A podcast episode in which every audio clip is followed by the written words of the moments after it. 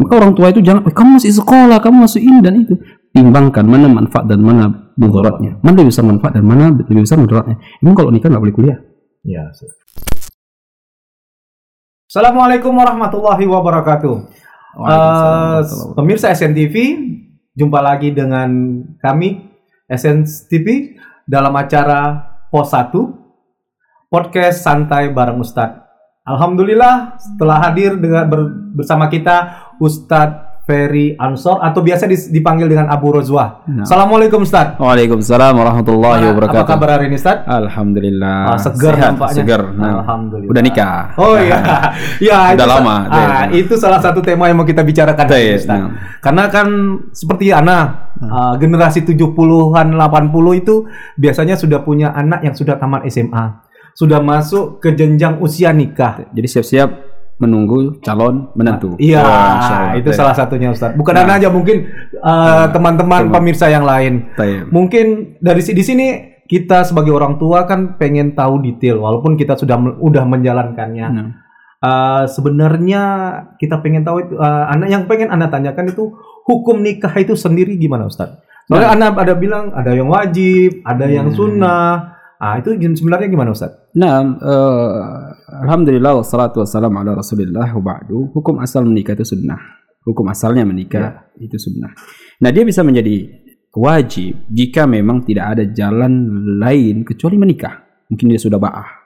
Ba'ah itu sudah memiliki kemampuan untuk menyalurkan hasratnya Ya. Hmm. dan tidak ada lagi jalan eh, yang dapat dia tempuh untuk meredamkan syahwatnya kecuali nikah. Maka ketika itu orang ini wajib untuk menikah. Kenapa? Karena khawatir akan jatuh kepada perzinahan. Ya agama kita melarang perzinahan lah Ya, taqrabu zina, jangan dekati Zina. zina. Oleh karena keadaan seperti ini hukumnya wajib. Hmm. Namun hukum asal menikah itu sunnah. Dan bisa jadi hukumnya haram kalau dia menikah ya dengan tujuan untuk menzolimi istrinya nanti. Dia nikah ini seorang akhwat Iya, iya, Ustaz. dia nikahi. Tapi dia punya niat buruk. Ya, dia punya niat buruk untuk mencelakakan atau untuk menzolimi pasangannya. Ini tentunya pernikahan itu haram. Atau kondisi dia tidak mampu untuk menyalurkan syahwatnya. Tapi dia paksakan untuk menikah. Ya, Hmm. seharusnya orang seperti ini berobat terlebih dahulu, mempersiapkan dirinya. Karena ketika dia menikah bukan hanya nafkah zahir, tapi nafkah batin juga harus dia berikan. Apa jadinya ketika seorang laki-laki menikahi seorang wanita, ya masih mudah lagi, Iya. namun dia tidak memiliki kemampuan untuk ya berbuat, ya, yakni membahagiakan calonnya, pasangannya, ya membahagiakan pasangannya. Nah, mungkin dari sisi materi, oke dia kuat, namun dari sisi kemampuan, ya Hmm. dari sisi uh, batinnya dia tidak mampu untuk membahagiakan pasangan. Maka seperti ini ya diharamkan untuk menikah. Ya, dibenci untuk menikah. Kenapa? Karena khawatir pasangannya akan terdolimi dengan perbuatan tersebut. Namun tetap kembali kepada hukum asal. Ya, hukum asal menikah itu sunnah. Karena Nabi SAW di banyak hadisnya ya memerintahkan yakni para pemuda, ya orang-orang yang sudah layak untuk menikah, segeralah menikah. Ya, apalagi kalau sudah puasa dia nggak mampu lagi, sudah puasa nih, bukan hanya Senin Kamis, Ustaz. Eh, bukan hanya Senin Kamis ya, tapi puasa Daud sudah dilakukan, tapi memang Masih- tidak terbendung, gitu ya. Eh, apa namanya keadaan itu tidak terbendung, sehingga ya dia tidak ada jalan lain kecuali menikah. Maka orang seperti ini Hmm. nikah. Jadi Ustaz, oke saya anak anak potong ya Nah, Ustaz ya. betul. Ah, Jadi gimana sebagai orang tua ya Ustaz ya, Hmm. tiba-tiba seorang anak bilang mungkin dia masih dalam masa pendidikan, Hmm. contoh dia masih kuliah Hmm. atau dia sudah selesai SMA lah Ustaz. Tiba-tiba dia bilang, "Aku pengen nikah." Hmm. Pasti sebagian orang tua itu kan terkejut Ustaz. Iya. Loh, anakku kok udah pengen nikah? Kuliahmu aja banyak orang tua akan bilang kuliahmu kan belum selesai. Wah, itu sebenarnya gimana benar Gus? Nah, tentunya yang mengetahui tentang keadaan seseorang itu ya orang itu sendiri. Oh, Ya, balil insani ala nafsihi basirah. Orang itu yang tahu tentang dirinya sendiri. Walau alqa ma'adhirah, walaupun dia datangkan banyak macam alasan untuk eh, tentang dirinya, dia yang tahu tentang dirinya sendiri. Yes. Maka ketika ada seorang anak mengadu kepada orang tuanya, ya Abi, Umi, saya sudah siap nikah. Maka tidak ada alasan bagi ayah dan ibunya untuk menyegerakan apa yang menjadi keinginan anaknya. Karena ini adalah sesuatu yang eh, jika tidak terlaksana akan berdampak kepada perkara yang lebih besar. Apa jadinya?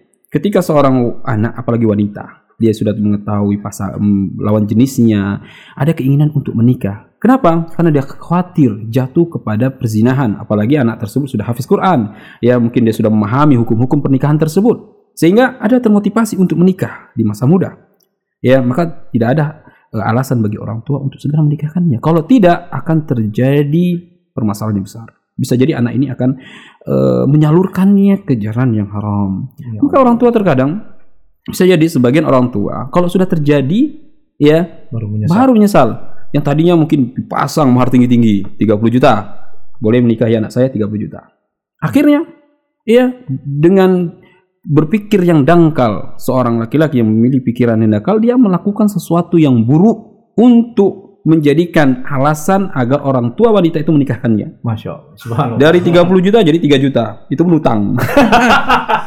nah, kenapa? Karena sudah kecelakaan terlebih dahulu. Ini bahaya. Makanya kalau ada seorang seorang anak datang kepada orang tuanya, ya bi ya umi nikahkan. Nikahkan. Cari ya pemuda yang bisa menggantikan posisi ayahnya untuk memberikan nafkah kepada anak tersebut. Cari hmm. di majelis ilmu ya. Cari yang mana di depan-depan itu para pemuda. Lihat sholatnya. Bagaimana ya nih semangatnya dalam menuntut ilmu. Ditambah lagi tanya kepada orang-orang yang kenal dengan pemuda itu. Nah, seperti itu. Seperti jadi itu, ya? ini suatu kebahagiaan sebenarnya sama orang tua ketika ada seorang anak wanita ya. Men, ya nih mengadu kepada orang tua Abi saya siap nikah carikan calon. Ini kebahagiaan. Artinya menunjukkan tegak ilmu kepada anak itu dia tahu bagaimana menyelesaikan permasalahan pada dirinya kembali hmm. pada tadi siapa yang mau tahu tentang dirinya dia sendiri. Dirinya sendiri. Ya, Maka orang tua itu jangan, kamu masih sekolah, kamu masih indan itu. Timbangkan mana manfaat dan mana mudaratnya. Mana lebih besar manfaat dan mana lebih besar mudaratnya. Emang kalau nikah nggak boleh kuliah? Ya, ya kuliah.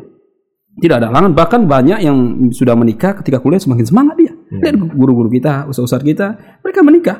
Ya, tidak menghalangi mereka ya untuk belajar walaupun sudah menikah. Ya. Bahkan lebih semangat dia. Kenapa? Karena ada tanggung jawab di sana. Hmm. Ya, ada semangat dia untuk menambah sebuah bab dalam ilmu, contoh tentang keluargaan, bagaimana mengurus anak. Akhirnya dia semangat terus belajar dan belajar. Jadi tidak ada alasan. Ulama-ulama terdahulu kalau anaknya dilihat sudah tidurnya tengkurap, nah, langsung dinikahkan itu. Kalau udah agak aneh-aneh, langsung dicarikan calon untuk dia.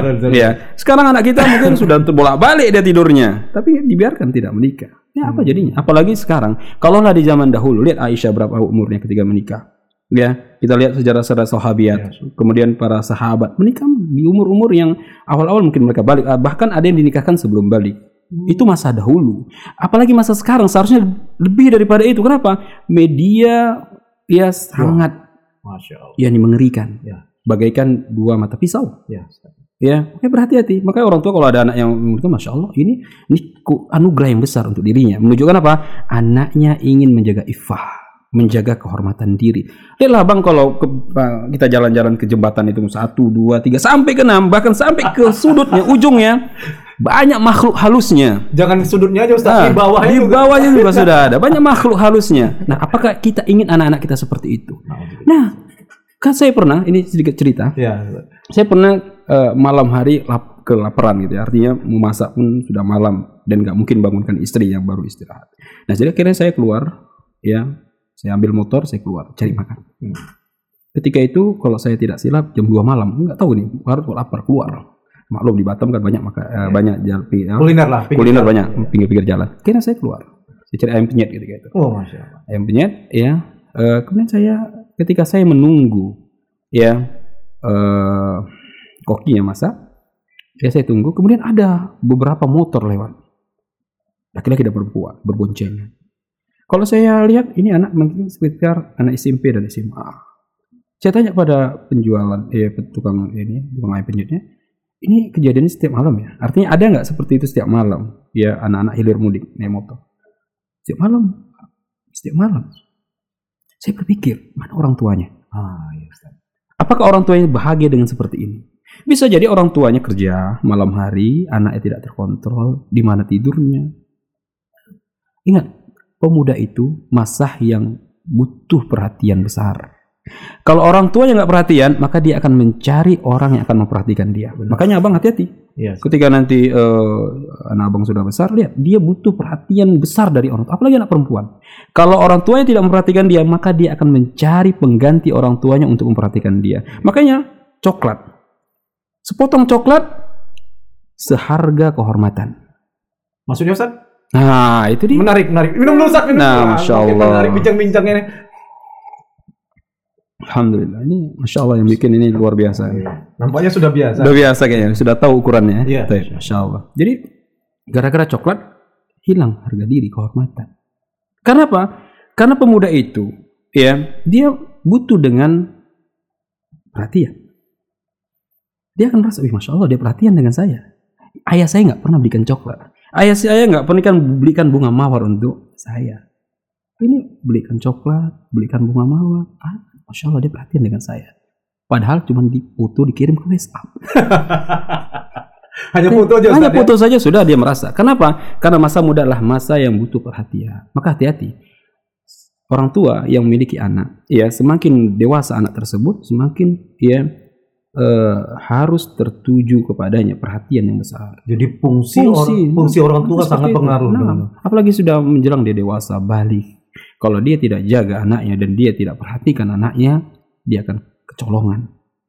Dia akan kehilangan ya. Anak yang selama ini dia didik ya. Dari awal ya dia didik dia sekolahkan ke sekolah agama. Namun setelah dewasa dia biarkan begitu saja. Nah seorang tua harus cemburu dengan hal itu. Kerugiannya dunia akhirat berarti Nah, ya? bahkan nanti sedih dia ketika anaknya nggak ada yang jemput. Kan kacau ya ala nah, nah nggak ada yang jemput kamu gitu ya. Wah, Alhamdulillah. ini masya Allah ini orang tua masya Allah perlu dirukiah kayaknya. Oke. Nah, Oke, ki- kita tadi kita udah bicara dengan hukum Nah. yang hukum nikah Ustaz. Kalau keutamaan nikah itu gimana Ustaz? Biar kita tuh jelas Hmm. sebagai orang tua, utama keutamaan nikah itu gimana Ustaz? biar termotivasi menikah Bukan.